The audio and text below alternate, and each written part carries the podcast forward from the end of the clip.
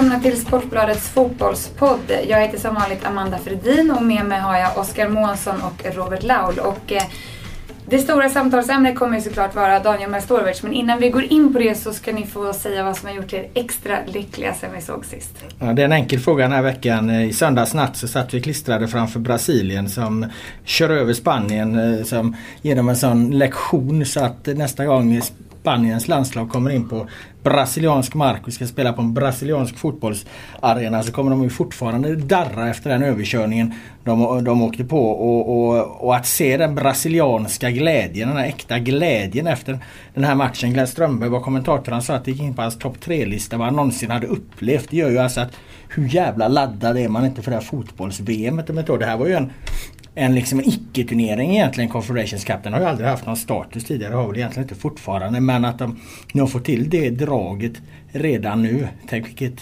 vilket, vilket fotbolls-VM det här kommer bli. Det är once in a lifetime. Alltså, jag, jag har inte riktigt varit säker på om jag ska åka på det men nu måste man måste vara dit. Och så att brassarna vinner också. Och att brassarna gör det bra hela vägen igenom. Ett, ett eh, pressspel som, som de fixar hela matchen i 90 minuter i princip. Och, och, eh, att de här unga stjärnorna som man var lite orolig för Neymar och ska, ska de liksom palla det här trycket så inga som helst problem. Eh, det, var, det var det roligaste jag varit med om i fotbollsväg på mycket länge. Oskar, är lycklig. du lycklig? Emellan, emellanåt är jag. En, en sak som gör mig lycklig är Grekland, Italien, Norge och Azerbajdzjan. Semester? Som är mina semestermål i sommar. Mm. Ja, jag har redan berättat det för dig uppenbarligen. så, så, så blev det. Så det är, de, eh, det är de klassiska länderna jag åker till kan man säga. En klassisk semester helt enkelt. Vi får uppdatera oss på det i slutet av sommaren. Alltså, I Azerbajdzjan, anledningen till att jag åker dit är att de har världens näst högsta flaggstång där. Så den ska jag åka dit och titta på. Är det inte dit vi ska på VM-kval sen Eh, nej. Nej det är inte. Det är Kazakstan. Det är Moldavien. Nej, Kazakstan. Eller Kazakstan. Kazakstan är det. Ja, herregud. herregud. Ja, jag kan uppdatera er på väldigt mycket bra. Ja, Moldavien var förra, förra kvalet. Ja. Nej, det är Kazakstan vi ska ja. Och du ska även dit med vår kollega Krokodilen. kan bli riktigt stökigt det där. Man kanske ska ringa och förvarna dem. Mm. Det kan vara läge för det. det kan Apropå det så ska jag skriva ett eh, visumsansökan ut till Kazakstan. Det är också kul. Mm. Nej, det är inte alls kul. Nej, det måste göras, kommer jag precis på. Ja. Eh, men nu eh, tycker jag att vi eh, går in på eh, Daniel Majstorovic. Eh, för enkelhetens skull kan vi väl ta det lite från början så att vi får en liten recap. Ja, du skrev ju det tillägget Oskar i tidningen idag så att... Det börjar på Stureplan kan man väl säga. Dra där. Ja, det börjar ju på, på, på Wall eller vad fan ja, jag kommer fram till den hette. En eh, VIP-klubb på Sturecompagniet. Precis. Så ja, kan du ta över. Um, ja, jag kan, jag kan ta lite kort där. För han var, Majstorovic var där med eh, Zlatan och uh, Olof Mellberg på mm. den här uh, klubben. Eh, Olof Mellberg spelar alltså skivor. Han är någon ja. DJ eller kör, ja vad man nu är när man gör det där. Man, man, han lirar skivor helt enkelt för folket där. Ja. Den såg man inte riktigt komma. Det hade jag ingen aning om att, att uh, Mellberg var, var tung i, i DJ-kretsar. DJ, DJ Mellis kallar honom. Ja, det är så. Om man dricker bara mellanöl så dansar man som fan. Eh, man, Zlatan hänger ju lite med dem där som du åker och kollar på. Uh, Summerburst, uh, diskjockeyrna eller vad fan heter det? Han, Swedish House Mafia? Nej, eller? inte Swedish House Mafia. Avicii och, ja. Eh, och så. Mm. Det är Zlatans polare. Men just att Mellberg även är en, en discjockeykille. Det var lite... Ingrosso lite, är väl Zlatans favorit? Ja, han ingår ju i Swedish House ja, Okej, okay. ja just det. Det är nog hans kompis. Mm. Men det känns... Jag var där och röjde i alla fall. Ja, det, men jag det känns ju lite överflödigt att jag sitter och berättar det här när vi har Amanda Fredin som faktiskt var där den kvällen. Vi har, vi har ett ögonvittne till det här. Ja, du var på den här kvällen? På, ja, på... jag var ju där. Men, eh... Jag fick en massa bilder skickade till mig på eh, på Zlatan och, och Mellberg de, ser lite halvlustiga ut. Men ja, ja, men det är väl lika bra att du kör då. Vad, vad hände? Nej, men jag kan inte berätta så mycket mer än att men det stora grejen var ju att Zlatan var där och sen att Majstorovic och Mellberg också var där var väl liksom eh, andrahandsinformationen. Men det blev ju stort efter gårdagen. Ja, så då plingade det till i min lilla hjärna och jag kom på att men där var ju han. Det var kanske inte så snyggt två dagar innan match. Men där är ju Mellberg i alla fall i DJ-båset med mm. ett par fina hörlurar som har en bild på där. Står det någon halvpackad snubbe bredvid där. Uh, och, och sen, ja det kan vi fråga dig då. Zlatan är ju här och de har tagit bild på med någon uh, Fotbollsgeniet Zlatan hängde med musikgeniet Kjellback. Vem är det där? Vet du det? Det Det är en kille i, i neongrön tröja och, och någon form av eh, brassekeps. För att, Zlatan anpa- ser nöjd för, för att anpassa det att lite till en podcast kan jag ju berätta för våra lyssnare att du sitter och tittar på din Instagram-feed på telefonen just nu. Nej det är på, faktiskt på eh, sms-bilder från eh, eh, Stureplans nattdrottning Quetzala Blanco som har skickat massa bilder till mig. Mm. Så. Att, eh, vi har våra kontakter. Hur som helst, att han blev petad beror sannolikt inte på att han var ute Nej våra och, källor i eh, AIK säger där. att det hade inget med det att göra. Liksom. Nej, Att han hade petad. blivit eh, petad ändå. Eh, och eh, han var med i truppen då till en början, en 19-mannatrupp som skulle bli 18 man. Eh, han vägrade komma till matchträningen, eller till matchsamlingen, blev därför petad från eh, matchtruppen.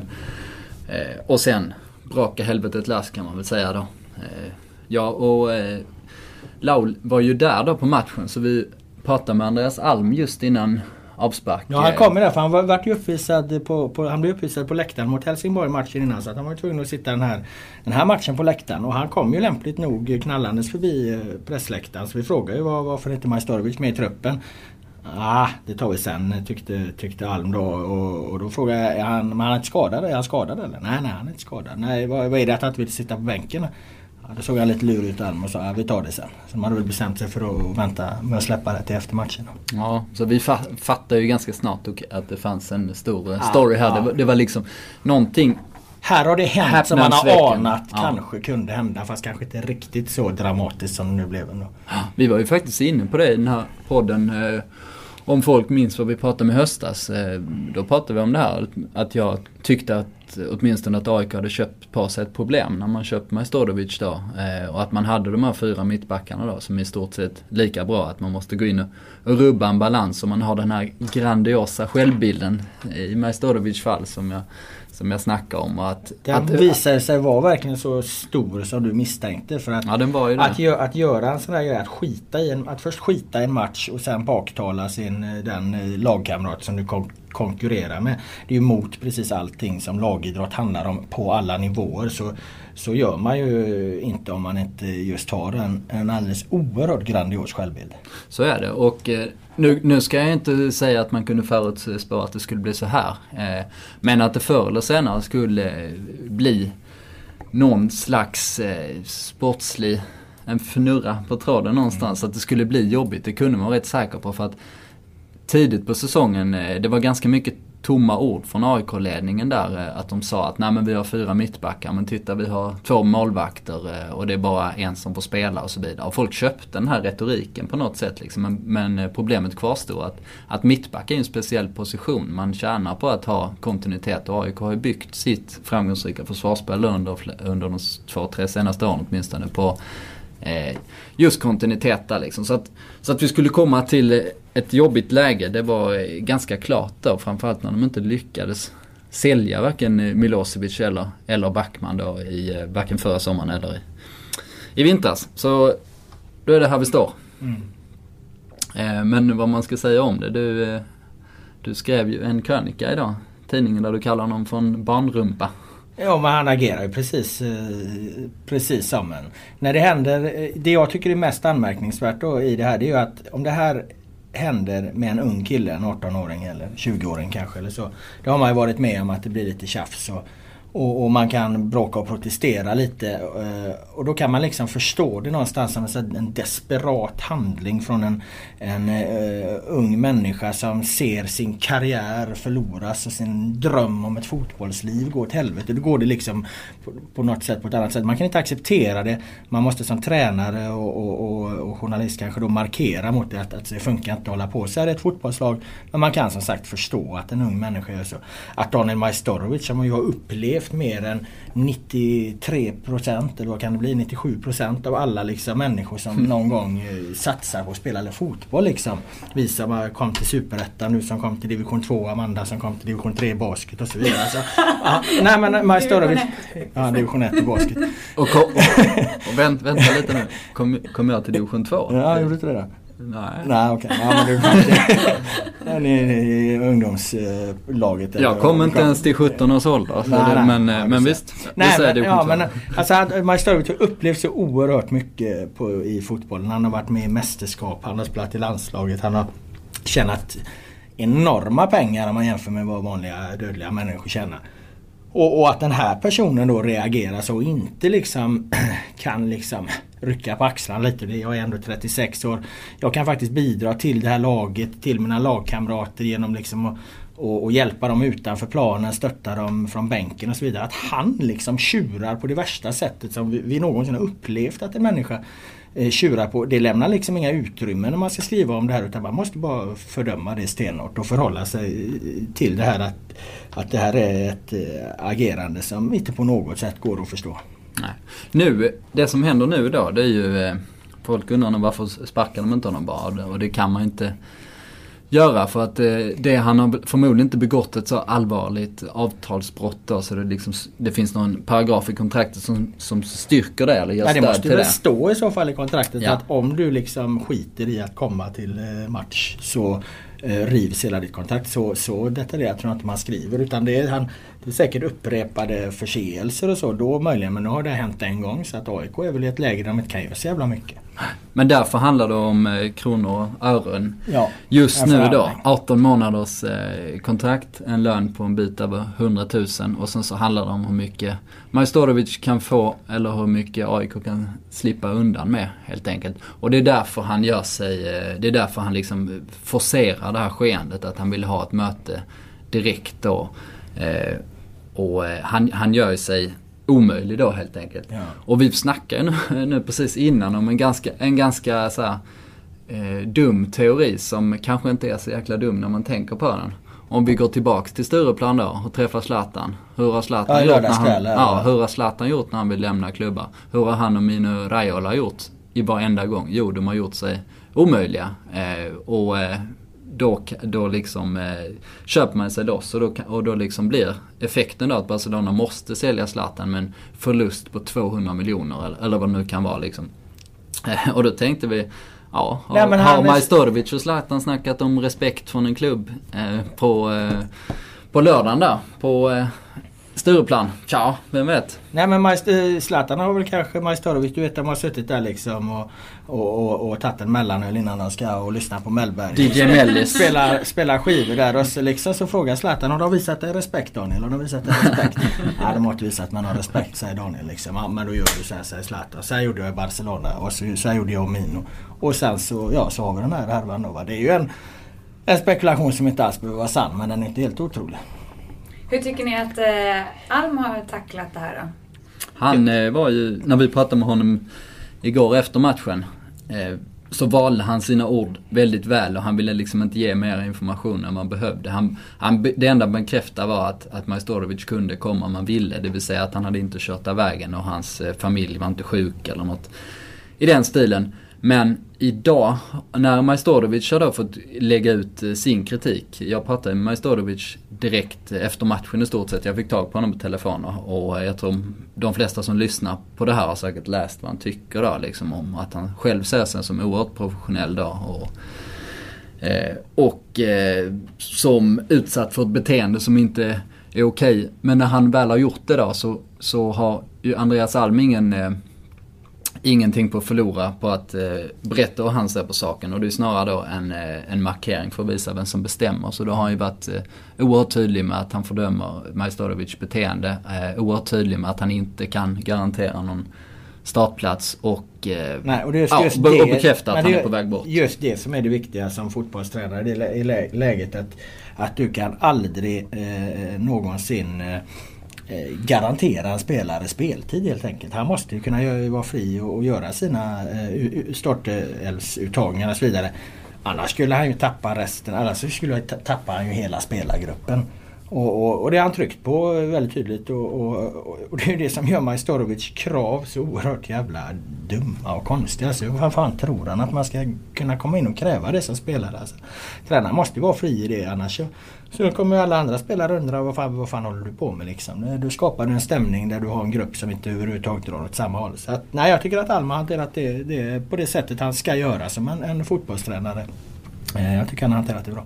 Men man, kan, man slås ju också av att det är väldigt olika sätt att behandla en kris. Alm är att han är frispråkig och eh, eh säger vad han tycker. Majstorovic är att han kör sin linje stenhårt. Sen vissa av AIK-spelarna vill inte säga någonting alls. Och sen eh, Martin Mutumba kastar smällare på, Ja, på träningsanläggningen istället. Det här är dagens roligaste. Så fruktansvärt konstigt. I alltså Niklas Backmans intervju med vår kollega Therese Båstad i TV så börjar det smälla smällare. Det är så himla märkligt. Vad gjorde han? Ja, det, han, eh, han tänkte att eh, nu är det jobbig stämning här, nu är det pressat läge, det är mycket allvar. Eh, då måste ju någon ta med sig lite smällare i, Vad fan har i, han, i show. vad fan har han smällare hemma nu för tiden? Nej, han, De han smugglar med dem i träningskläderna och sen så, De så, har inte kast, haft på, på, på eh, sen man var 12 för fan så kastar de. Och, det roliga är att eh, jag, kan- jag kan faktiskt inte komma på en enda person i hela världen som skulle komma på en sån Eh, grej. Mario Balotelli skulle väl i så fall kanske vara. Han har Ja, lite kanske. fyrverkerierfarenheter. Ja, det är sant. Det har du Men det är väl de eh, två, poäng. typ. Och, och efter då, eh, efter då eh, träningen då så frågar ju Therese Borsta Mutumba då liksom. Brukar du ha smällare med dig på, träna, på träningen så? Då och då. Svarar Mutumba. Ja. Och, ry, och, vill- och rycker jag- lite på axlarna. Ja men det måste följdfrågorna komma alltså. Vad, vad, vad, vad, smällare kan man väl bara köpa på, på påsk nu för tiden eller? Man kanske man kan köpa hela tiden. Ingen aning. Ingen aning. Och sen visste han heller inte vilken Daniel det pratades om.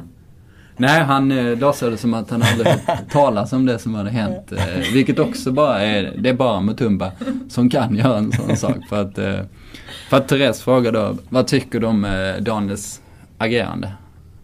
Daniel Gustafsson, svarar eh, Mutumba då.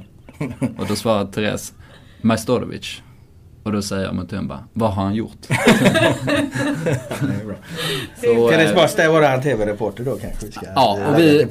Vi listade ju så Allsvenskans största personligheter för några år sedan. Och då Ja. kom vi fram till att Mutumba var etta. Ja. Och det var liksom, eh, ja det, det går ju inte att konkurrera med, med honom på något sätt. Att det, det finns inte en så oberäknelig människa liksom på, eh, Nej men här på gör gott och ont och i alla möjliga situationer. Nej och han gör det ju också utan att liksom eh, eh, vara dum mot någon eller vara, skada någonting eller eh, det är ju roliga grejer helt enkelt. Nu har ju Majstorovic stulit varenda liksom fotbollsrubrik egentligen men det, då är det ju på ett det är ju något negativt för väldigt många. Ja. Eh, framförallt för hans lag och, och, och som skapar oreda och bekymmer och så vidare.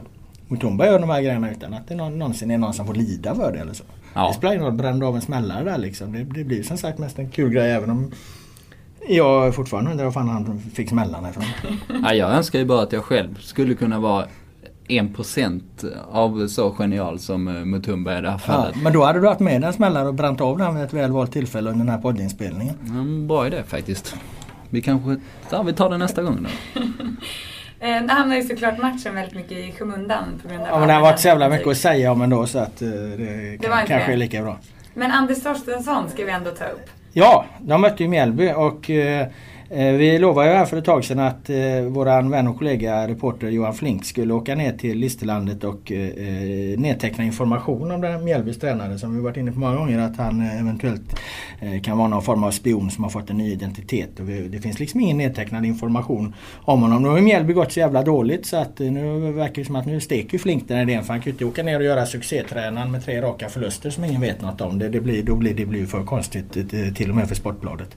Däremot i, i den här podden så behöver vi inte tänka riktigt på att hålla alla linjer helt rätt i alla lägen. Så att eh, vi noterade Oskar, det var faktiskt du som gjorde det.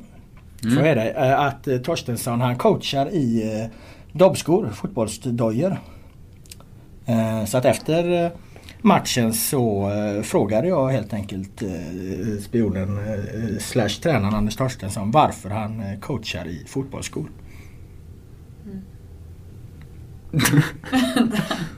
Jag vet inte, det är alltid... Ja, det har liksom blivit så från början. Alltså, jag började ju träna division 4 och 3-klubbar liksom och där, där är det ingen skjorta och uh, slips som gäller och det är det ju inte på strandvärlden heller. Så att det, det, det har blivit liksom att det. De andra kör ju lackskor. Ja, ja de, de gör det, men det har inte varit min, min grej direkt. Utan jag, liksom, det liksom, är det match så byter man om. Jag vet inte, det, har- det, har blivit, det har blivit så. Ja. Ja, tack själv. Vi, vi, ska ju, vi ska ju tillägga här då att, att eh, eh, de var ju fruktansvärt gamla de här skorna. Jag ska inte säga fula för att eh, gamla fotbollsdojor är ju i regel snygga. Det är ju ett jävla elände där med alla jävla neonfärgade eh, fotbollsdojor som finns nu för tiden. Alltså, svarta fotbollsdojor är helt okej okay, men nu har, nu är folk vita och röda och, och, gula och orange och allt vad fan det är. Men de här är ju, de här är ju gamla, ett par gamla svarta, för jag tog en bild på dem också. Gamla svarta fotbollsdojor. Med, med, vad är det för färg? Är det turkosa skosnören eller vad skulle du säga att det är? Ja det ser ut så. Men eh, jag delar inte din estetiska bedömning här. Det där, du tycker det att fotbollsdojorna blir snyggare? Ja det där är ju ett par fruktansvärt fula fotbollsskor faktiskt. Ja men det här är ett par svarta helt vanliga gamla, möjligen, möjligen 15 år gamla svarta fotbollsskor. Det är, alltså, jag ser inget fel på dem förutom att det är, är turkosa skosnören. Ja fast de är ju ganska, de turkosa skosnörena är ganska dominanta i själva ja, det bilden. Är sant. Eh, ja, men det, det han, han lyfter faktiskt på dem och det är ju gamla hederliga gummidobbar alltså. Nu för tiden så är det ju några jävla trianglar man har där under eh, även när det är fasta då som är lite hårdare i någon, någon form av hårdplast. Va? Men här är mjuka gummidobbar. Mm. Man bara kan spela på på riktigt bra gräsplaner. Nej, jag sa ju det redan från eh, när jag spottade de här eh, skorna från 40 meters avstånd. Att det är idiotiskt att ha fotbollsskor på sig som, som tränare. Men det är klart, om man har gått in dem där i 20 år så kanske de är lika sköna som ett par eh, foppatofflor mm. eller någonting. Men de, men, de passar ju rätt bra ska... på hans stil. Du ser ju vad han mer har på sig. Han har på sig någon, någon förskräcklig träningsoverall av något slag. Mm. Så att... Eh... Han kan ju inte ha varit någon vidare till spion om det där är hans sätt att smälta in. Fast om man går undercover som division 4-tränare så gör han det fruktansvärt bra. Ja, säga. det skulle jag nog säga. Jag menar fotbollstränare med fotbollsskor. Det, så jävla Jo, men han ska ju vara undercover som allsvensk tränare. Ja, ja. Du menar att han egentligen är en fejk där? Ja. ja. vi, vi får leta mer information. vi, är inte, vi är inte framme än. Nej, men vi återkommer. Ja. Vi får återkomma kring Anders Torstensson. Vi lämnar honom eh, och går in på No, ta no Taco No Party eh, som ju var en av Elfsborg-fansens banderoller under matchen mot Syrianska. Vad är senaste nytt med Anders Svensson? Det ska du få veta. Och No Taco No Party där. Det blev ju en Facebookgrupp eh, ganska snabbt efter det där också som tog sitt stöd för Anders och menar på att Uh, att om inte Anders får ett nytt kontrakt då tycker de inte att Jörgen Lennartsson ska vara kvar i den här föreningen. För att vad, vad, vad som har framkommit har det varit att det är Jörgen Lennartssons beslut att, att det här har dragit ut så fruktansvärt på tiden. Och jag var på den här matchen. Vi frågade Jörgen Lennartsson varför ger inte Anders nytt kontrakt? Det vill han inte kommentera. Vi frågade ordföranden Bosse Johansson. Eh, men vill ni, vad, vad, vad är det ni står och säger? Vill ni inte behålla Anders Svensson i Elfsborg? Och då kan han alltså inte svara på det.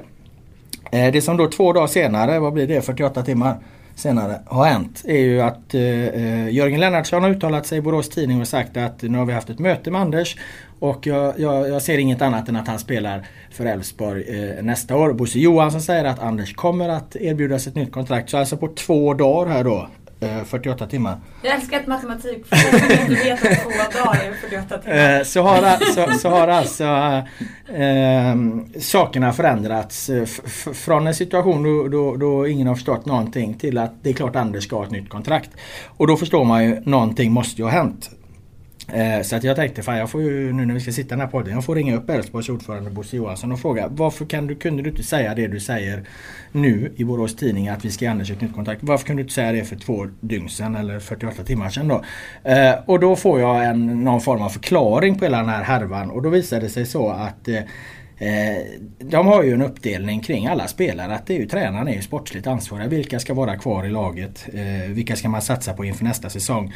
Och Jörgen Lennartsson har för sin planering och för allting så som han fungerar som tränare. Han, han har liksom en linje att han, han tittar inte på eh, eh kommande års trupp eh, förrän framåt hösten. Och det här läget är speciellt för Elfsborg för nu ska de kvala till Champions League och, och, skulle de till exempel gå in i Champions League då blir det så mycket pengar som man ska hantera. Det blir en, det blir en annorlunda situation. Så att han, han har helt enkelt eh, meddelat eh, styrelsen att eh, vi tar alla frågor kring kontrakt när vi vet våra sportsliga förutsättningar. Eh, och då, då har de stått där och då har Bosse Johansson som är ordförande, Stefan Andreasson som är klubbdirektör sagt att okej okay, om du som våran tränare tycker det, det är det bästa, då gör vi så. Då får Anders, eh, då får Anders eh, eh, vänta med, även till och med Anders Svensson får vänta med att få svar kring, eh, kring sin kontraktsförlängning. Det här har inte Anders Svensson alls varit inne på. Han, han har velat ha svar mycket tidigare. Han vill, vill veta vad som ska hända med han nästa år och så vidare. Så att han har gjort en mängd utspel vilket har skapat hela den här situationen eftersom det blir väldigt konstigt när Anders säger vissa saker att jag, jag får inte veta om de vill ha kvar mig och de själva kan inte svara. Men det här är alltså anledningen till att det här har dragit ut på tiden. Eh, men då har ju då Bosse Johansson, ordföranden, insett att det här blir ju, när, när fansen sjunga om det och, och det blir protester mot tränaren och säger det här är ingen bra situation för Elfsborg. Här måste vi tänka annorlunda. Så Bosse Johansson har helt enkelt, jag ska inte säga att han har tagit Jörgen Lennartsson i örat men han har sagt att, att eh, eh, alltså det här är inte vem som helst. Det här är Anders Svensson. Det är en ikon. Det är Elfsborgs största spelare genom tiderna. Det är enormt stor i Borås. Det blir enormt medieintressen kring honom. Vi kan inte hålla på några jävla principer här att vi efter vi vet hur det går i Champions League ska lösa Anders Svenssons eventuella kontrakt. Utan det får vi göra nu. Så att det som har hänt sen i söndags är att Jörgen Lennartsson har ju fått ändra sina principer och funderat, vill jag, vill jag, tror jag på Anders Svensson eh, även eh, över 2014? Tror jag att han kommer hålla på samma nivå? Och så vidare och kommit fram till att ja det gör jag. Och därefter har sakerna gått väldigt fort. Nu har de suttit ner och haft möten här idag och, eh, och då är Jörgen Lennartssons beslut att vi tror på Anders Svensson för 2014. Det som nu återstår är att förhandla fram ett, ett kontrakt. Eh, men där blir det Anders Svensson och klubbdirektören Stefan Andreasson då som, som får diskutera fram eh, detaljerna i det här kontraktet. Hur mycket pengar ska det handla om och så vidare. Ska det finnas någon roll efteråt och så. så att, men eh, jag fick han, eh, faktiskt sms av Anders här precis också. Och han, han bekräftar i mångt och mycket den här bilden. Jag skulle säga, jag ska bara plocka fram det här. Han skriver väl att, eh, för jag frågar vad fan eh, vad var det nu som hände? Att nu har han fått besked och det var det han ville ha. Nu vet han att, att de vill satsa på honom nästa år och eh, eh detaljerna får vi diskutera längre fram när Stefan Andreasson då kommer hem från sin resa för klubbdirektören är iväg på semester just nu. Så att, det var ett långt sms du fick. Ja, det var ett långt sms. Men det var, ju... det var ungefär det det stod. Men Han vill också på, påtala nu då att det finns inga som helst eh, eh, schismer mellan honom och Jörgen Lennartsson och så här. Och det här att han var, var på bänken där någon match mot Malmö som det blev mycket om. Det var mycket hans eget beslut för då hade han ont i, ont i låret och så här. Så att nu, nu, nu lägger de liksom, nu håller de på att sopa igen alla, allt eh, liv som har varit kring det här. Och det kommer väl antagligen lösa sig på, på ett ganska bra sätt. Men det jag har hört då som ingen berättar, eller liksom ingen vill bekräfta liksom, det är att anledningen till att Lennartsson har velat vänta ut det här, det är att han, han är lite tveksam på Kommer Anders verkligen vara, vara så här bra över 2014? Det finns en sån liksom aspekt i bakgrunden och vi kan, ju, vi kan ju dra den parallellen till det vi har pratat om tidigare. Det är ju inte helt omöjligt att Elfsborg om exakt ett år, det var faktiskt du som sa det när vi diskuterade innan Oskar, att de hamnar i en situation där de har en en, en Anders Svensson som inte håller på samma sätt som Daniel Majstorovic inte håller nu. Och hur skulle Anders Svensson reagera på det när han blir placerad på bänken i en viktig match? Om han nu blir det. Det är ju inte säkert. Jag tycker inte att det finns några sådana tendenser hos Anders Svensson att han är på väg att gå ner sig. Han är inte alls så dålig som Daniel Majstorovic har varit i vissa matcher. Men jag tycker Anders är bra när han spelar i Elfsborg. Han springer lite mindre och så här, men, men han, är, han är fortfarande Allsvenskan kanske bästa spelare. Det skulle förvåna mig om han går ner så mycket över 2014. Ja. Nu pratar jag om något så in i helvete. Ja. Får du ta över Hallå, hallå, hallå? Är ni där? Eh, nej, men det var lite skämt, skämtsamt här så sa jag att eh, om exakt ett år så kommer Anders Svensson skicka ett sms till eh, Bosse Johansson eller, eller till Stefan Andreasson och säga du jag kommer inte till matchsamlingen. Så. Eh, som sagt skämtsamt, jag tror inte på det heller. För jag tycker också att Anders Svensson är bra. Det här med att eh, Lennartsson skulle tycka att han springer för lite. Eh, har jag svårt att se för att han funkar jäkligt bra även eh, defensivt i och med att han lever så mycket på sin eh, spelförståelse. Han suger upp andra bollar fantastiskt. Plus, plus att han är mycket hårdare i kroppen än vad man tror. Alltså han eh, går in i närkamperna och, och vinner dem. Och trots att han är så pass gammal så eh, blir han då sällan skadad och, och spelar 90 minuter och sånt också. Så, så eh, jag är också en stor anhängare av eh, Anders. Och det är ju fantastiskt för alla där att de har löst den här stationen för den, den, det var ju verkligen helt ohållbart att de inte kan sitta och, och, och ge svar på saker och ting. De var ju tvungna att ta ner där. Det här är ju en fråga som skulle leva med dem över det här Champions League-kvalet Europa, och eventuellt Europa League-kval eller hur det nu blir då. Eh, nu, har de, nu har de ju insett det och eh, satt sig ner för att försöka lösa situationen och redan tagit ett par steg i, i, i rätt riktning då. Och det är väl så man löser situationen. Man pratar med varandra och, och kommer fram till någonting som alla enas kring och tror på. Mm. Men, det, men det, samtidigt så sådana där beslut är ju ganska eh, vanskliga då. Om Lennartsson ja, är inte ja. helt övertygad Eh, om Anders tar ju också den här platsen i en grupp att man, det är ingen som spelar man sätter på bänken. Det är ingen Daniel Tjärnström eller det är ingen Henrik Rydström som för den delen då eh, helt enkelt accepterar det. Först ska han ut och, och eh, behandla sin, eh, och vältra sig i sin ångest medialt liksom personligen då. Han, han sa ju att det var konstigt att se Kalmar spela fotboll utan Henrik Rydström för jag trodde inte det gick. Eh, men nu har han ju sagt beslutat att, han tycker det är kul att spela U21 och sånt. Så jag mm. kan nu fortsätta. Eh, så det är olika sätt hur man behandlar det. Anders Svensson är inte en sån person som kan ta steget ner så Fast jag tror inte att Anders Svensson är, är, en person som skulle reagera eh, som Daniel Majstorovic. För att eh, Anders må vara en, liksom, en vinnarskalle och, och en, en uh, halv uh, kinkig snubbe emellanåt så. Men det är ändå en jävla lagspelare och han vet, uh, han vet vad, vad laget betyder för, för, ett, för en förenings framgång och så vidare. Han skulle aldrig ställa till med, med en sån, kan inte tänka mig i alla fall, han skulle aldrig ställa till med en sån scen som, som Majstorovic har har gjort även om han blir petad nu något år. Däremot kanske han skulle vara ute och gny lite i pressen och så här grejer och, och, och, och skapa lite oreda och så. Det är heller inte helt optimalt. Men det är ju en situation som alltså den är jävligt svår att undvika. Du, du hamnar i sådana lägen med stora fotbollsspelare. Det är ju däremot när det går till de enorma överdrifterna som i Majstorovic fall som det blir ett problem. Och när det sker som det gör med Rydström som liksom ja, är ute och, och, och, och pratar om sin ångest eh, i tidningar och gör det på ett väldigt charmigt och, och vackert, på många sätt vackert sätt. Va? Då, då, då blir det bara mest fantastiskt istället. Mm. More taco, more party kan vi konstatera ja, ja, partyt, tacopartyt är inte slut i Borås än.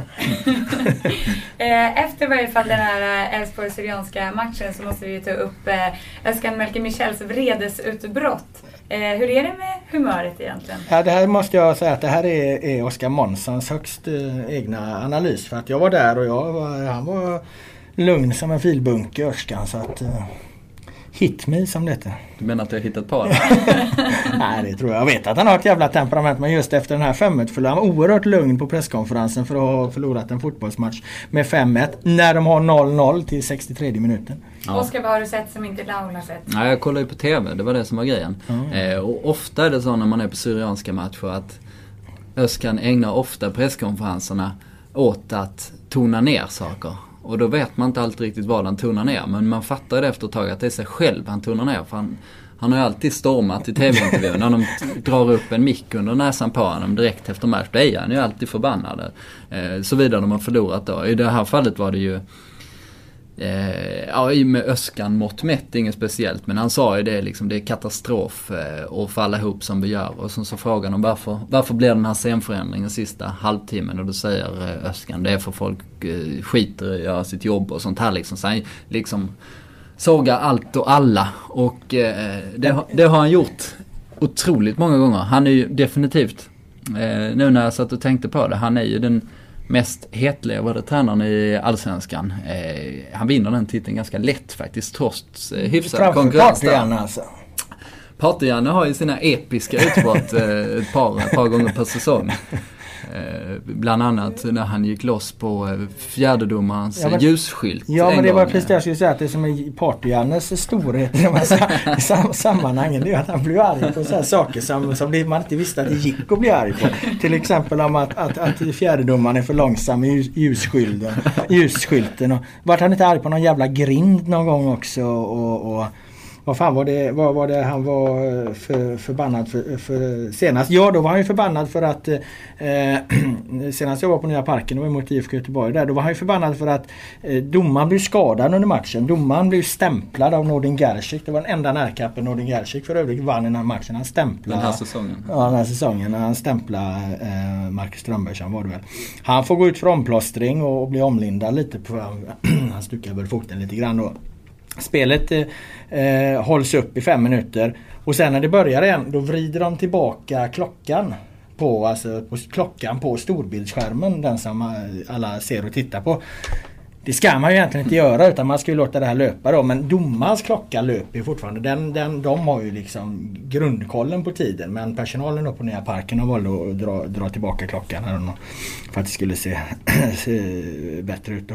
Eh, och det blir Janne förbannad på? Det var han, det var han irriterad på efteråt. Det... Så att han blir ju arg på eh, så här fantastiska saker som man, man själv överhuvudtaget knappt har tänkt på. Ja, det är har sant. inte Han, Alm seglat upp då som en bubblare nu efter utbrottet? jo, jag, jag, ska, jag ska bara stanna vid Janne där ett tag. Ja. Alltså, Jannes storhet om jag liksom ska mer specificera det, det är att Janne projicerar sin ilska på väldigt märkliga detaljer. Det är lite som ett förhållande. Man bråkar alltid bara om skitsaker. Eh, trivialiteter. Men det bygger egentligen på något större liksom. Öskan är ju rakt på. Eh, Janne projicerar. Och Amanda, precis som du sa. Alm fick ju någon slags falling down eh, här senast mot eh, Helsingborg. Som, som du här Robert gick igenom oerhört pedagogiskt Ja, och skickligt på ja. din eh, blogg som Ja, jag Al- rekommenderar. Ska. Al- Alms storhet i- Alms storhet i det läget är ju att han blir arg på så oerhört många personer eh, i samma moment liksom. Han Sex personer? Ja, jag tror vi kom fram till att han blir rasande på Ale- Alejandro Bedoya. Han blir rasande på domaren. Han blir rasande på fjärdedomaren. Han blir rasande på en skopåse som ligger, ligger i vägen. Ska vi verkligen Han- klassa det som en person? Ja det gör vi i det här läget. Han blir rasande på, på, på ordningsvakten som vill sätta honom på en annan plats än där han själv vill sitta. Han lyckas dessutom eh, hamna i rätt irriterade gräl med åtminstone två Helsingborgssupportrar på, eh, på läktaren när han är på väg upp där. Det var väldigt underhållande var det. Så, Ja. Som sagt, gå in och läs eh, Lauls blogg här så får ni oerhört pedagogiskt. Eh, jag vet inte om du kategoriserar skopåsen som en person även där. Men, eh, men du har ju till och med lyckats få kommentar från eh, Alm på ha- samtliga ja, utbrott. Ja. Och eh, det roliga var ju att eh, när vi stod där, vi var på väg hem från Olympia och då, då kom det en eh, en annan ordningsvakt då och, och vi började prata lite om, om Alms utbrott och så. Och, och då ville och den här ordningsvakten väldigt noga poängtera att eh, Alm verkligen sparkade till skopåsen. Och det vet jag för han träffade mig som ordningsvakten. så att det var ett, ett fint ögonvittne där. Mm. Men just nu vinner Mecke Michel eh, titeln. Men vi har Nej, alltså i och- min bok är Janne Popian Ja, eh, ständigt ohotad på det området. Det är som jag inledde med där. Jag har lite riktigt med, med, med Men i Oscars bok.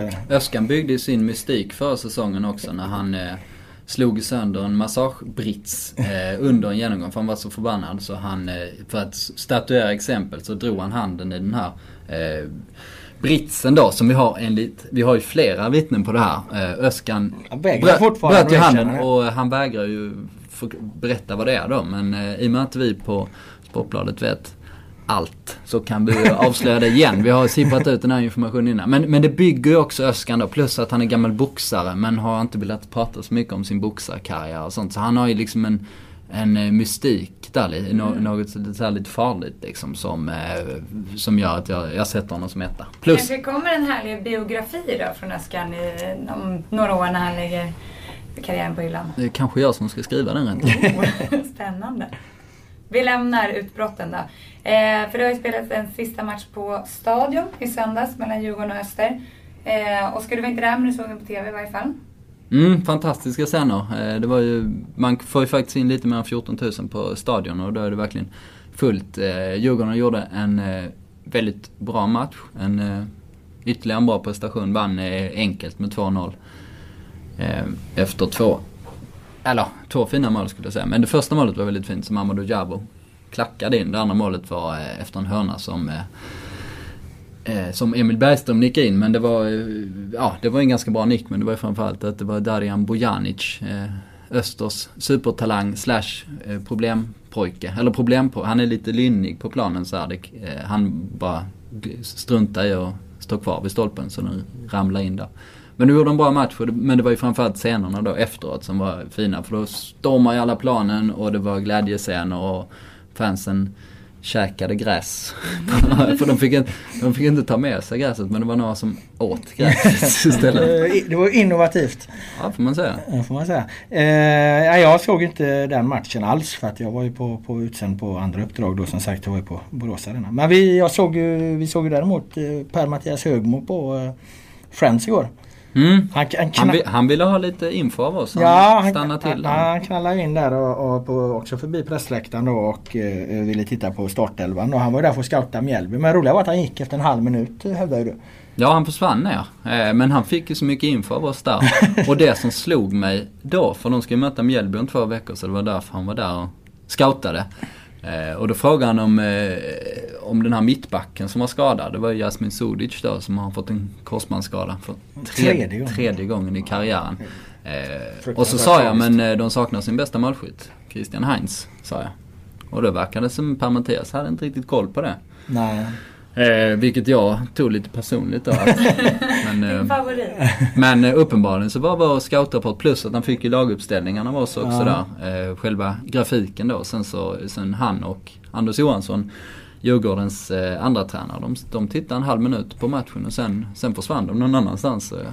Jag vet inte vad Nej, vi misstänker att de fick andra platser. Att de kan ha hamnat bredvid någon eh, AIK-supporter som kanske inte ville sitta och se matchen bredvid Djurgårdens tränare. Eller att det var något säkerhetstänk eller vad det nu kan ha varit. För att Eller- Det är ju så jävla öppet här på Friends liksom. Här knallar ju Djurgårdens tränare rakt in. Alltså, jag tror inte det är någon fara så sett. Men alltså ur ett säkerhetspersonalperspektiv så, så kan man nog tänka så att eh, här kanske inte du ska sitta. Jag menar vi får inte ha med oss läskburkar upp på pressläktaren till exempel. Ja. Eller så kanske han använde Anders Torstensson som spion. Det kan han ha gjort. Knut ihop den säcken fint. Snyggt. När vi ändå är inne på Djurgården då. Du vill ju prata om Ayrton. Du har någon slags teori om varför han kommer göra en massa mål i höst, Oskar. Nu ska ni höra. Oj, oj, oj. Mm, ehm, det, jag slängde ut frågan igen här eh, på Twitter. Eh, återigen. Jättebra respons när jag frågar folk vad ska vi prata om. Det du gjorde ikväll? Det var en som Nej, men det jag gjorde igår. För vi trodde vi skulle spela in i, igår. När det var, det. men det blev lite Majstorovic det. kaos som gjorde att vi fick skjuta upp den dag. Men eh, det var, eh, nej, det var en jättebra respons. Det var många som eh, tyckte saker. Då var det någon som tyckte vi skulle rädda ut Ayrton. Eh, varför, hur bra är han egentligen? Hur, Mm. Eller hur dålig är han egentligen? Men då har jag en teori här som går ut på att Ayrton kommer ju garanterat smälla in en massa mål i höst. Han är en höstspelare eller? Nej, det är, inte, det är mer, eh, mer sofistikerat än så. Mhm. Eller, det vet jag fan om det är. Men eh, vissa spelare gör ju mål i sjok. Alltså humörspelare. Eh, smäller till liksom och sen så bara händer det. Och Ayrton är nog den, eh, han är nog nummer ett i den kategorin. Eh, för jag gick igenom hans karriär. Eh, 2007-2008 började han i Mjällby. 45 matcher totalt. Han gjorde 11 mål. Det, är inte så mycket. Jag tror det var i Superettan och division 1 då. Eh, sen 2009, då hände allting. Då gjorde han 14 matcher. 13 mål, 5 assist. Ett fantastiskt facit där. Såldes till Holland, gick till Nischmegen. gjorde 3 mål på 35 matcher. Totalt katastrof. Eh, och sen dröjde det ganska länge när han kom tillbaks till eh, Mjällby. Då gjorde han, ska vi se, 2011, hösten kom han tillbaks. Noll mål på sex matcher. Träningsmatcher vintern efter, ett mål på åtta matcher. Och sen kom fjolåret. Då smällde det till igen. Då gjorde han sex mål på vårsäsongen. Så gick han till Djurgården och gjorde sju mål på höstsäsongen. Och så fortsatte det till, till eh, Svenska Cupen nu där han eh, gjorde fyra mål på sex matcher i, eh, på vintern. Och sen efter det så har han ju inte lyckats med någonting. Två mål på 12 matcher och då måste det ju helt enkelt komma en sån här ny formtopp. Ja men det enda det, enda det här visar det är ju att han gör mycket mål i sjok. Det, här, det kan ju egentligen lika gärna dröja till nästa vår innan han kommer in i ett nytt stim, eller hur? Ehm, ja, nu är du lite för matematisk. Nu är du, nu är du lite för matematisk här. Nej, jag, jag köper din analys i, i, i stora drag så att det, det, skulle, det finns ju mycket som talar för att, att han gör eh, åtta mål för Djurgården här under hösten. Mm. Ja, nej men... 12 matcher eller någonting. eh, Men eh, de skulle lika gärna kunna komma eh, nästa år också. Så skulle det kunna vara. Men man måste ju hårdvinkla saker om man ska ha Ja, revolutionerande teorier. Dessutom har han gjort sju mål på sju matcher i U21-landslaget också. Mm. Så där smällde det till. Han gjorde bland annat fyra mål i en match minns jag. Mot, ja vilket lag det nu var. Oskar, är det så att du också är ute efter en professorstitel här? Han vill ha en doktorshatt. nej jag vet inte. Jag är inte, jag är inte riktigt inne på den här eh, matematik... Eh.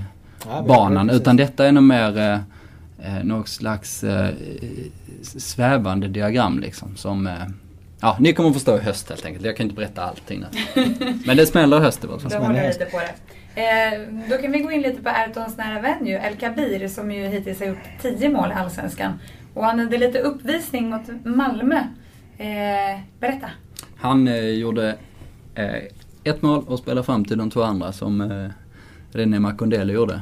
Eh, och eh, El Kabir har ju varit eh, riktigt bra den här hösten då. Häcken har varit ganska svaga men eh, eh, överlag om man ser på hela våren. Men han har gjort en riktigt bra säsong och, och leder skytteligan. Och dessutom trivs han ju bra mot Malmö när han spelar Mjällby så gjorde han också fyra mål i en match där på Malmö stadion i, i kuppen 2010 tror jag det var, eller 2011 var det kanske. Det är det som är lite konstigt för han gillar ju Malmö. Han har på och flörtat med Malmö. Han har Ja. haft något sådär att Malmö, han, vi har ju, det har ju märkt tydligt på honom att han i vissa lägen har velat att Malmö ska värva honom. Liksom. Han, han, han gick ut och tog striden mot Helsingborg, eh, han tolkar jag det som, för att bli mer populär i Malmö. Han hade ju en, eh, alltså en av de, de värsta sågningarna i Allsvenskans moderna historia. Han, han, han, han, liksom attackerade inte Helsingborg som fotbollslag, han attackerade Helsingborg som stad. Det var en jävla, det var, det var en jävla skitstad. Och jag menar det, det, det föll säkert i god jord i, i vissa delar av Malmö kan jag tänka mig. Ja. Så att eh, eh, det är lite dubbelt då att han samtidigt också levererar väldigt bra mot Malmö när han har när någon dröm om att, att få spela där. Eller i alla fall har närt en sådan dröm. Vi satt på Olympia för övrigt och, och samtidigt som den här matchen spelades så såg eh, Helsingborg AIK då, då fick Simon Bank, våran kollega, sms av sin pappa som följde eh, Malmö-Häcken på, på eh, TV. Och han var fullständigt övertygad om att El Kabir var dopad. Sådär ja. Det hade varit ett bra avslöjande. Det låter bra. Vad hade han någon slags belägg för det här? Eh, nej, nej, men han har ett bra fotbollsöga, Banks farsa. Så eh, han var säker på det. Ja, sådär. Däremot eh, vill jag då ta upp eh, om Häcken gjorde en bra match så fick de det ganska billigt också för Malmö, Malmö kan vara eh, ganska naiva som lag. Deras styrka är att de är eh, att de inte bryr sig så mycket om omständigheter. Att de kör mycket på sitt spel och, och sånt. Och deras svaghet är att de inte bryr sig om omständigheterna. Det är liksom samma argument och då blir man kanske naiva många gånger då mot en viss typ av lag. Och, och möter man då El Kabir, Martin Eriksson och eh, René Makondela, man släpper, dem, släpper loss liksom, då blir det ju chanser. Och de här tre målen kunde dessutom varit fler. Eh, De fick ju stryk på Rambergsvallen med, med 5-1 i fjol. Och där i precis början Ja, av 5-0 Allsvenskan. till och med, va? Var det 5-0 var det kanske? Men eh, jag måste säga det, jag var ju inne lite på att när Malmö har tappat poäng i början av säsongen så visar sig att nästan varje gång så har Rickard Norling gjort ett eh, taktiskt drag som blivit mindre lyckat. Som i många fall så varit direkt avgörande också i matchen. Och nu eh, i den här matchen tyckte jag också han coachar illa. Han fa- eh, faller tillbaks lite i gamla synder det här att han ska övercoacha och göra eh, taktiska snilledrag som kanske lyckas en gång av tre och de andra två, två gånger av tre blir det istället motsatt effekt. Den här gången satte han Erik Friberg på högermittfältet, Simon Thern på innermittfältet vilket jag tycker är obegriplig coachning. Eh, I paus, när Malmö låg under, så var det taktiska draget att byta kant på ytterbackarna. Att, eh, eh, att eh, Mikko Albonos gick över till vänsterbacken. Han är visserligen vänsterfotad men har slagit igenom som högerback. Och Ricardinho, eh, som är så mycket vänsterback man bara kan bli, gick över på högerkanten då som en högerback istället. Eh, och då skulle det vara någon taktisk eh, snilleblick som, eh, som helt plötsligt skulle lösa den gordiska knuten eller någonting. Eh, jag tycker han, eh, han gör för mycket sånt helt enkelt. Eh, jag har svårt att säga eh, att en så pass rutinerad och, rutinerad och eh, allmänt skicklig tränare ska behöva göra sådana grejer helt enkelt. Hur förklarar han det själv då, Norling, de här dragen? Um, ja, jag var inte där så jag kunde inte ställa frågan själv. Uh, jag vet faktiskt inte hur han uh, har resonerat. Obegripligt faktiskt. i Mina ögon. Det blir ofta på presskonferenser uh, när det sker sådana grejer. Så de frågorna ställs ju ganska ofta. För vi gillar ju många som skriver om fotbollen och så här.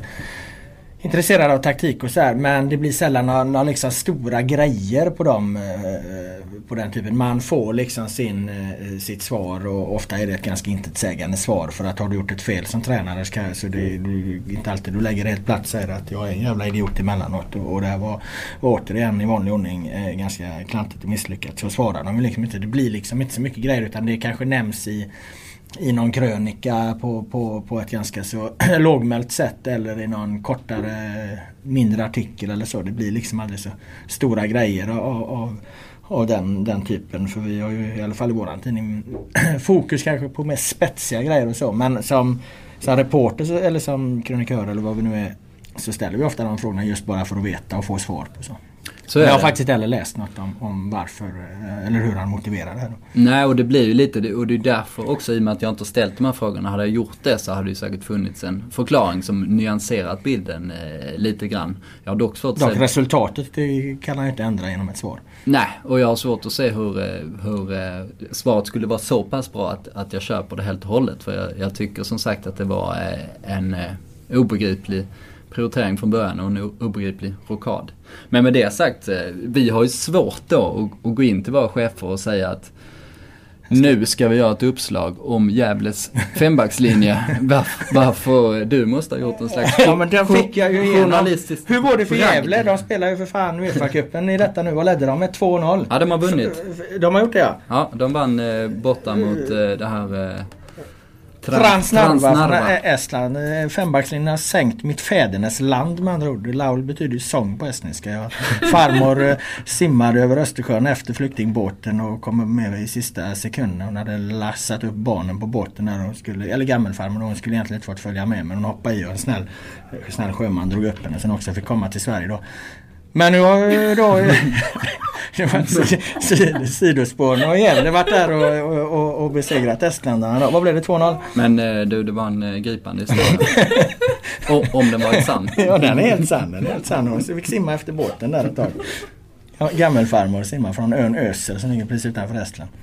Under andra världskriget jagade av ryssarna. Och nu har Gävle vunnit med 2-0. Micke Dahlberg och ett självmål. Nej, 3-0 till och med. Jag tror Jonas 3-0. Lanto trillade in en boll precis på slutet också. Ja, det så de är i princip, eh, princip klara då. Ja, men det var ju analysen. Det var någon som efterfrågade matematikprofessorn där och, och 80% av lagen skulle gå vidare. Så att nu verkar ju Gävle gå vidare då. Det är Häcken som ryker antagligen mot Sparta Prag. Andra svenska lagen tar sig nog igenom de här första, första rundan av Europakvalet. Matematikprofessorn är väl alltid efterfrågad? Jajamän. Jajamän.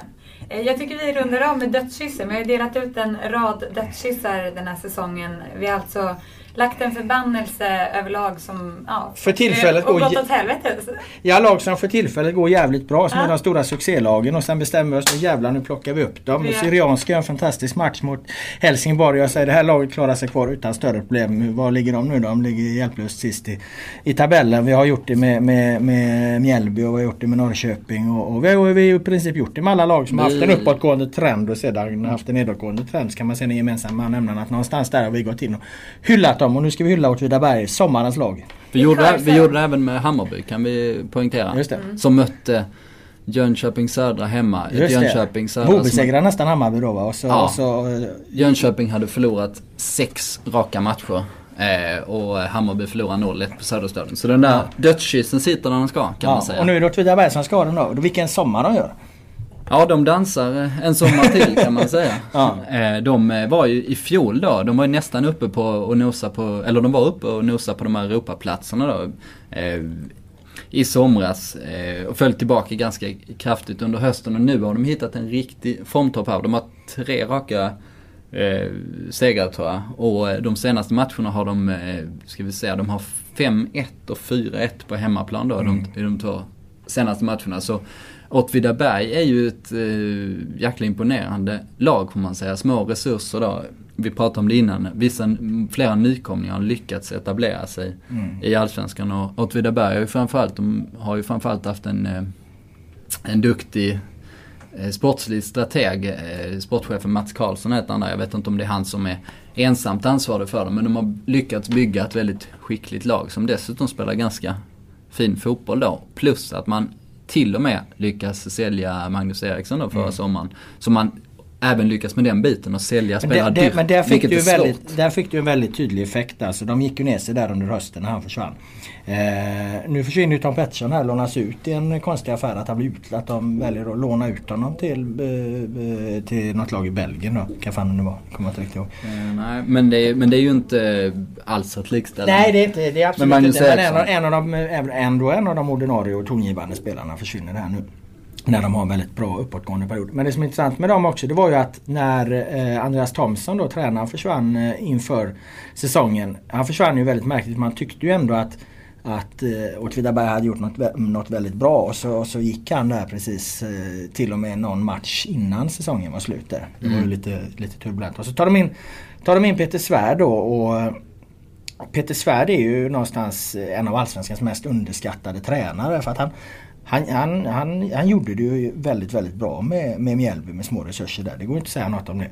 Eh, och nu har han på ganska kort tid fått det här att fungera igen för att Åtvidaberg fungerade inte i början av, av Allsvenskan. Det var ett ganska eh, slokörat lag i början här. De hade några insatser när jag såg dem. De, de, de, man tänkte oj då nu den här reaktionen var verkligen, var verkligen stark. Alltså de, de dansade en sommar och sen så hämtade de sig inte från det. Men han har ju, han har ju satt det på ett bra sätt. Ganska enkelt och vanligt 4-4-2, det som vi brukar prata om. Och sen. Mm. Eh, Men ändå, ändå betydligt mer kortpassningsorienterad än många andra raka 4 4 Ja fast jag skulle mycket säga att det handlar, om- handlar väldigt mycket om hur de spelar på sin extremt snabba konstgräsplan Ja, hemma där. ja. De utnyttjar ju den. De, det säger ju nästan alla som, som kommer till Åtvidaberg. Jag vet Peter Gerhardsson åkte dit i månader i förväg för att titta på hur fan uppträder lagen på det här jävla underlaget. För det är så snabbt det konstgräset. Det är de väldigt skickliga på att utnyttja. De kan spela väldigt nära eh, de spelare som motståndarna de pressar. De kan förflytta bollen från kant till kant väldigt snabbt genom att det här konstgräset är så snabbt. Och att de har eh, ganska skickliga ytterbackar. Då. Jag gillar ju Anton Tinnerholm som sagt. Högerbacken där. Som kanske går till AIK. Ja.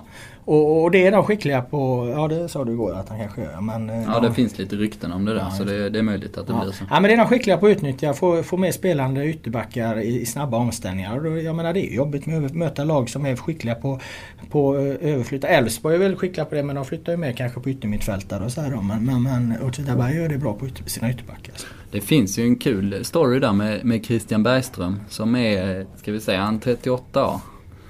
Pligg som eh, alltid fortfarande är uppe i toppen av assistligan. Ja, ja, han slog assist mot, mot BP här nu. Ja, han slog en fin assist i för, första målet där. Och han, eh, han har ju upplevt en eh, ny vår i karriären då, sen man bytte till konstgräs. Och han stod i, i korren, Östgöta, korrespondenten, med en handskriven lapp eh, där det stod typ förbjud Nej, nej, nej. konstgräs eller? nej, nej, nej, nej. Gräset är inte grönare på andra sidan stod det. Men mycket butter, en sån här du vet, eh, en sån här butter bild som man ser i lokaltidningsbesvikelse.se när det är någon som protesterar mot ett hål i vägen eller att eh, grannens katt har druckit upp mjölken eller något sånt där liksom. Det stod han där liksom på sportsidan och protesterade mot det här konstgräset och sen har det blivit rena succén. Det var till och med så pass eh, poetiskt då alltså, Så att det var Ja, ja, ett litet talesätt. Ja, Ja, det är en, eh, det är en kul eh, det är en kul eh, detalj i det hela med tanke på att han verkar vara den som har anpassat sig allra bäst till det här Mm. nya typen av spel. nu är det slut på roliga. Ja, för nu sänker vi det åt vid skeppet. Men innan vi avslutar Robert, du har ett litet roligt mejl att läsa upp. Berätta. Ja, jag tänkte att vi ska väl inte sluta med att sänka vårt eget skepp utan vi knyter ihop säcken istället med det vi egentligen börjar med att prata.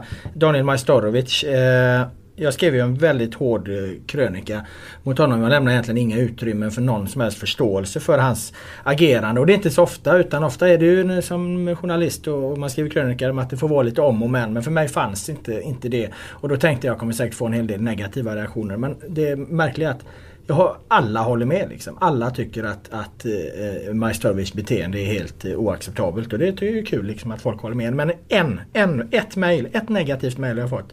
Det är från Roland, 68 år. Han skriver så här. Min rubrik var ju på det här eh, Laul då. Ett svek mot laget. Han beter sig som en tjurig barnrumpa. Det var ju liksom rubriken på min Majstorovic krönika. Men då skriver Roland, 68 år. Här. Snacka inte du om barnrumpa.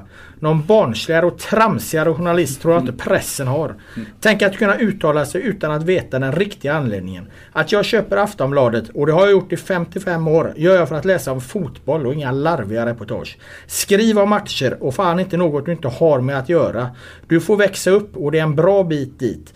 Fan vet var du vill komma någonstans. Tar du din basker, för där är väl inbyggd åskledare den. Det kan behövas. Ut och gör reportage om lagen i division 4 allsvenskan. Skönast att sitta på Häcken. Nu är jag snart fan er papperstidning för det är väl det ni vill på Aftonbladet. Lär av Kvällsposten Expressen, där är kunskapen. Du ligger långt under dina kollegor och sådana sätter man på redaktionen för att larva sig. Och det mest fascinerande i det här mejlet är ju det, är ju det här med tar du din basker för där är väl inbyggd åskledare. Amanda du såg här också min basker i jämnan här. Vad, är det, vad, vad, vad menar han? Vad vill han ha sagt med det här? Jag vet inte vad, vad vill han Vad sagt. Men, men, en jag, åskledare? men jag undrar ju. ja det är klart man undrar. Nej men jag undrar, har du en inbyggd åskledare i basket? Jag vet inte, det är möjligt. Alltså det är någon liten knopp där uppe. Så. Men det, det var en fantastisk formulering som vi får ta med oss här. Vi tackar Roland ändå. Ja, vi får tacka Roland. Det, det är Ett, kul ut, att ut, folk ett utmärkt engagerar mejl sig. i min, i min.